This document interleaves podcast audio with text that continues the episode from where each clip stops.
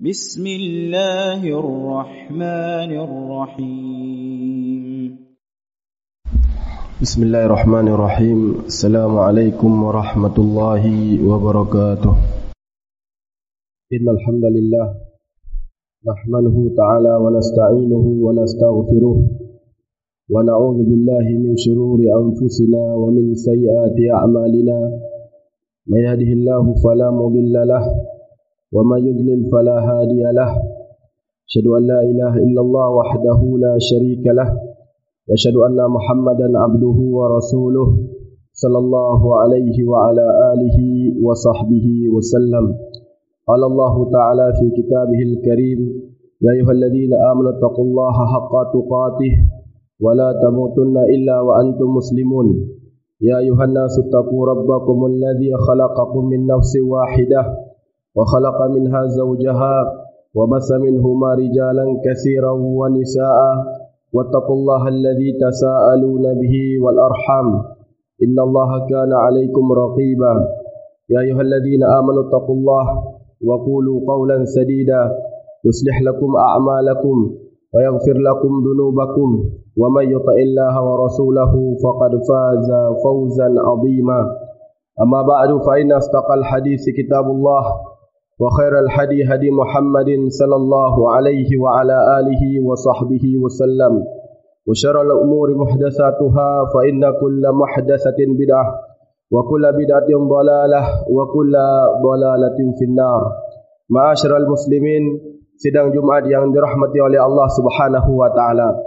Allah Azza wa Jalla berfirman dalam Al-Qur'an Al-Karim, "Innaka la tahdi man ahbabta, walakin Allah yahdi man yasha, Wa huwa a'lamu bil muhtadin." Sesungguhnya engkau wahai Muhammad tidak mampu memberikan hidayah kepada orang yang engkau cintai dan Allah Subhanahu wa taala memberikan hidayah kepada orang-orang yang Allah kehendaki dan Allah lah yang paling mengetahui siapa yang menerima hidayah dari Allah Subhanahu wa taala. Ayat yang kita bacakan tadi disebutkan oleh para ulama tafsir turun berkaitan dengan kisah Abu Talib. Abu Talib sebagaimana kita ketahui bersama merupakan paman Nabi sallallahu alaihi wasallam. Beliau adalah orang yang memelihara Rasulullah sallallahu alaihi wasallam. Ketika Nabi sallallahu alaihi wasallam diangkat oleh Allah Azza wa Jalla menjadi rasul, pada saat tersebut Nabi alaihi salatu wasallam berdakwah kepada kafir Quraisy. Sehingga orang-orang kafir Quraisy sebagian besar mereka marah terhadap Nabi sallallahu alaihi wasallam dan mereka pun ingin untuk menyakiti Nabi bahkan membunuh Nabi sallallahu alaihi wasallam. Ketika perkara tersebut terjadi, maka Abu Talib pada waktu itu berada di front terdepan untuk membela Rasulullah sallallahu alaihi wasallam. Abu Talib memiliki andil yang sangat besar di dalam membela dakwah Islam pada saat tersebut. Sehingga Rasulullah sallallahu alaihi wasallam beliau berkeinginan agar Abu Talib ini masuk ke dalam Islam. Sehingga disebutkan oleh Imam Al-Bukhari rahimahullah dari Musaib ibnu Hazm radhiyallahu taala anhu bahwasanya tatkala Abu Talib sakit yang mengantarkan kepada kematiannya datanglah Nabi sallallahu alaihi wasallam dan di sisi Abu Talib pada saat tersebut telah ada Abdullah ibni Abi Umayyah dan Abu Jahal. Rasulullah sallallahu alaihi wasallam kemudian beliau mendekat kepada Abu Talib dan mengatakan, "Ya am, qul la ilaha illallah kalimatun uhajju laka bika indallah." Wahai pamanku, ucapkanlah kalimat la ilaha illallah yang dengan kalimat tersebut kelak aku akan berhujjah di depan Allah Subhanahu wa taala. Maka Abu Jahal dan Abdullah ibni Abi Umayyah mengatakan, "Ya Abu Talib, atarghabu millata Abdul Muttalib?" Wahai Abu Talib, apakah engkau marah terhadap agama Abdul Muttalib yaitu agama menyembah berhala? Kemudian Nabi sallallahu alaihi wasallam terus mengulang wahai pamanku, ucapkanlah kalimat la ilaha illallah yang dengan kalimat tersebut aku akan berhujjah di depan Allah Azza wa Jal. Kemudian Abu Jahal dan Abdullah ibni Abi Umayyah pun mengulang daripada ucapan mereka. Mereka mengatakan, wahai Abu Talib, apakah engkau membenci agama Abdul Muttalib? Sehingga di akhir kisah disebutkan, bahwasanya Abu Talib mati di atas agama kesyirikan. Abu Talib mati di atas agama menyembah berhala. Sehingga Rasulullah sallallahu alaihi wasallam pada saat tersebut beliau sangat-sangat sedih sehingga Nabi mengatakan la astaghfiranna lak ma lam unha anka. Sesungguhnya aku akan meminta ampunan kepada Allah Azza wa Jal untukmu wahai pamanku selama Allah Subhanahu wa taala tidak melarangku. Kemudian Allah Azza wa Jalla menurunkan ayat, "Maka lin nabi wal ladzina amanu ayastaghfiru lil musyrikin walau kanu ulil qurba." Dan tidak sepantasnya bagi seorang nabi dan kaum mukminin mereka mendoakan ampunan kepada orang kafir meskipun orang kafir tersebut dari karib kerabat mereka. Dari hadis dan kisah yang telah kita sebutkan tadi, kita bisa mengambil beberapa faedah. Dan antara faedah yang bisa kita petik adalah hidayah itu adalah milik Allah Subhanahu wa taala. Allah Azza wa Jalla berikan kepada orang-orang yang Allah Subhanahu wa taala kehendaki. Hidayah itu taufik ini tidak ada kaitannya dengan kecerdasan. Betapa banyak manusia yang mereka memiliki kecerdasan yang luar biasa, namun ada sebagian mereka yang masih menyembah berhala. Ada sebagian mereka yang masih menyembah matahari dan yang semisalnya. Kemudian hidayah itu taufik itu tidak ada kaitannya dengan kekerabatan seseorang. Kita melihat Nabi Nuh alaihi salatu wasalam, beliau berdakwah 950 tahun mengajak manusia siang malam untuk beribadah kepada Allah Azza wa Jal. Anak beliau sendiri tidak mau ikut kepada apa yang diajak oleh Nabi Nuh alaihi salatu wasalam. Begitu juga Nabi Ibrahim alaihi salatu wasalam, beliau dengan penuh kelembutan mengajak ayah beliau untuk masuk dalam Islam, untuk menyembah kepada Allah Subhanahu wa taala. Namun ayah beliau pada saat tersebut pun menolak. Kemudian juga Nabi sallallahu alaihi wasallam seorang hamba Allah Azza wa Jalla yang sangat bertakwa, yang memiliki pribadi yang sangat-sangat bagus dan akhlak yang luar biasa. Beliau dengan hikmah berdakwah, namun sebagaimana telah kita sebutkan paman beliau Abu Lahab, paman beliau Abu Talib enggan untuk mengikuti apa yang dibawa oleh Nabi alaihi salatu wasallam. Jadi hidayah tu taufik ini adalah milik Allah Subhanahu wa taala. Allah Azza wa Jal berikan kepada orang-orang yang Allah Subhanahu wa taala kehendaki. Sehingga terkadang kita melihat ada manusia yang mereka sangat-sangat dekat dengan Islam, sangat-sangat dekat dengan kebenaran. Namun tak kala Allah Azza wa Jal menahan hidayah dari orang tersebut, maka seorang bergahabah. Abu Talib dibantu dua dengan Nabi wassalam. Beliau melihat sendiri bagaimana Rasulullah wasallam Namun ketika Allah Azza wa Jalla tidak memberikan hidayah kepada Abu Talib, maka nampak ada pergahabah. Kemudian begitu juga terkadang, sebaliknya ada manusia yang mereka sangat anti terhadap Islam, yang mereka memusuhi Islam dan kaum muslimin. Namun tak kala Allah Azza wa Jalla berikan hidayah, maka subhanallah. Nabi alaihi salatu wassalam setelah perang Uhud disebutkan ketika beliau salat subuh, setelah beliau bangkit di rakaat terakhir, dari rukuknya Nabi alaihi salatu wasallam beliau mengatakan sami Allahu liman hamidah rabbana walakal hamd kemudian Nabi alaihi salatu wasallam mendoakan laknat terhadap tiga orang Nabi sallallahu alaihi wasallam mengatakan Allahumma la'an fulan wa fulan wa fulan Nabi alaihi salatu wasallam mendoakan laknat kepada tiga orang siapa tiga orang tersebut disebutkan dalam riwayat yang lain yang pertama adalah Safwan ibni Umayyah kemudian Suhail ibnu Amr dan yang ketiga Haris ibnu Hisham radhiyallahu anhum ajmain. Kemudian Allah Azza wa Jalla menurunkan ayat dalam Al-Quranul Karim menegur Nabi sallallahu alaihi wasallam. Allah Azza wa Jalla berfirman, "Laisa laka min amri syai." Wahai Muhammad, ini tidak ada campur tanganmu sedikit pun. Sehingga disebutkan bahwasanya tiga orang yang didoakan laknat oleh Nabi sallallahu alaihi wasallam, mereka akhirnya masuk Islam dan bagus keislaman mereka. Bila tak kalian, orang adalah orang yang sengaja jauh terhadap Islam. Nabi alaihi salatu wasallam beliau berdoa dalam salatnya karena Nabi alaihi salatu wasallam sangat-sangat sedih. Mengapa demikian? Karena di perang Uhud Rasulullah sallallahu alaihi wasallam kehilangan sekitar 70 roh sahabat ni watian. Kemudian paman beliau Hamzah bin Abdul Muttalib pun wafat di perang Uhud. Sehingga Rasulullah sallallahu alaihi wasallam beliau mendoakan laknat terhadap pemimpin-pemimpin Quraisy yang di mana mereka adalah penyokong untuk orang-orang musyrik memerangi kaum muslimin di perang Uhud. Nabi sallallahu alaihi wasallam mendoakan laknat Allah Subhanahu wa taala kepada mereka. Namun hidayah sebagaimana kita sebutkan itu di tangan Allah Subhanahu wa taala. Allah Azza wa Jalla berikan kepada orang-orang yang Allah Subhanahu wa taala kehendaki.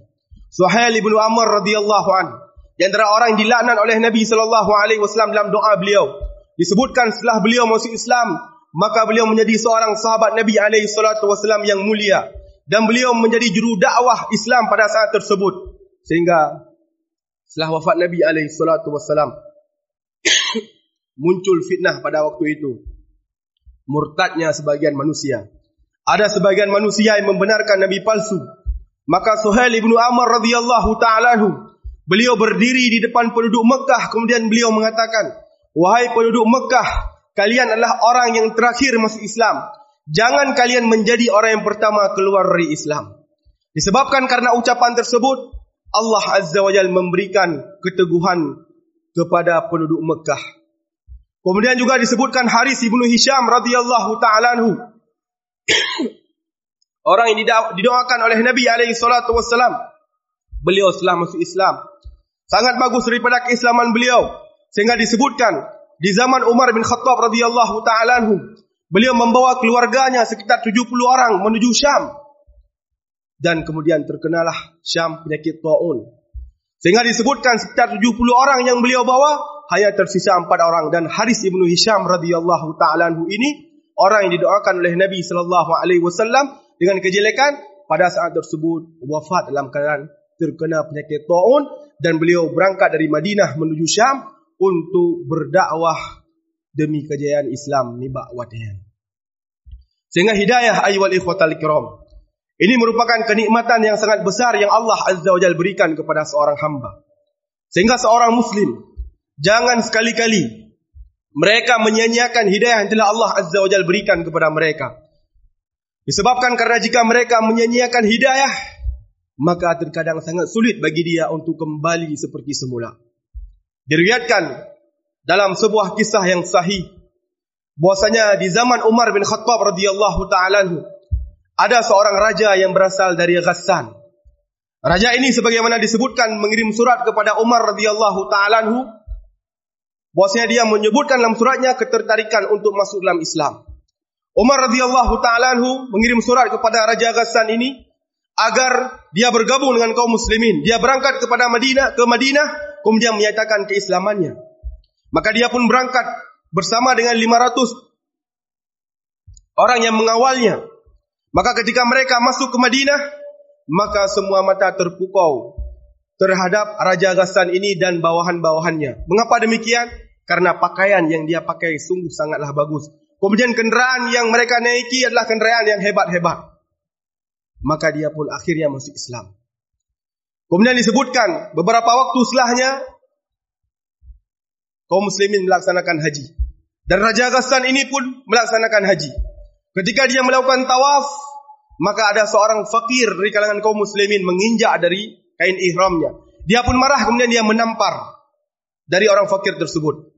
Maka orang fakir ini setelah tawaf dia datang untuk menemui Umar bin Khattab radhiyallahu taala Kemudian dia melaporkan bahwasanya si fulan telah menampar saya. Umar radhiyallahu taala memanggil raja tersebut kemudian mengatakan, "Mengapa engkau menampar saudaramu?" Maka disebutkan dia telah menginjak kain ihram saya. Jika bukan karena saya mengagungkan Ka'bah, niscaya saya akan memenggal daripada leher orang tersebut sombong daripada raja itu. Kemudian Umar radhiyallahu taala mengatakan, engkau hanya memiliki dua pilihan. Apakah engkau memberikan kepadanya hadiah sehingga dia ridha terhadapmu ataukah kisos? Don tampak kan? Kan di balik tamparun. Maka raja ini marah, saya ni raja. Bagaimana mungkin saya dikisos?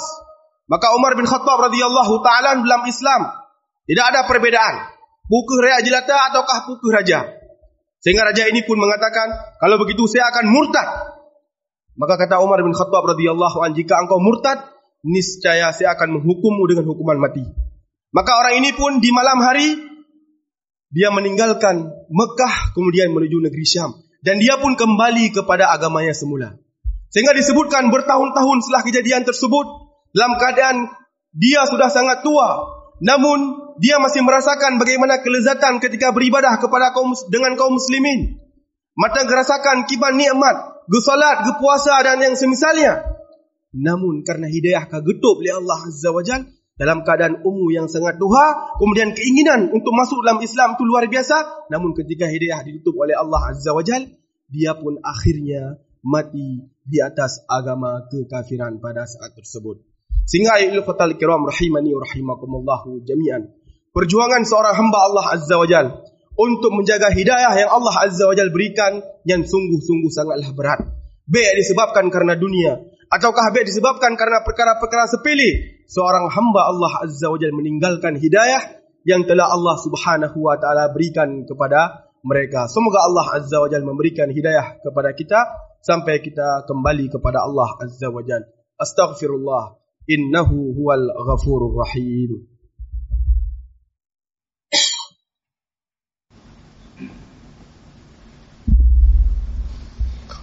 Alhamdulillah hamdan katsira tajban mubarakan fi kama yuhibbu rabbuna wa yarda. Syadu la ilaha illallah wahdahu la syarikalah wa syadu anna muhammadan abduhu wa rasuluh. Sallallahu alaihi wa ala alihi wa sahbihi wasallam قال الله تعالى في كتابه الكريم والعصر إن الإنسان لفي خسر. للذين آمنوا وعملوا الصالحات وتواصوا بالحق وتواصوا بالصبر.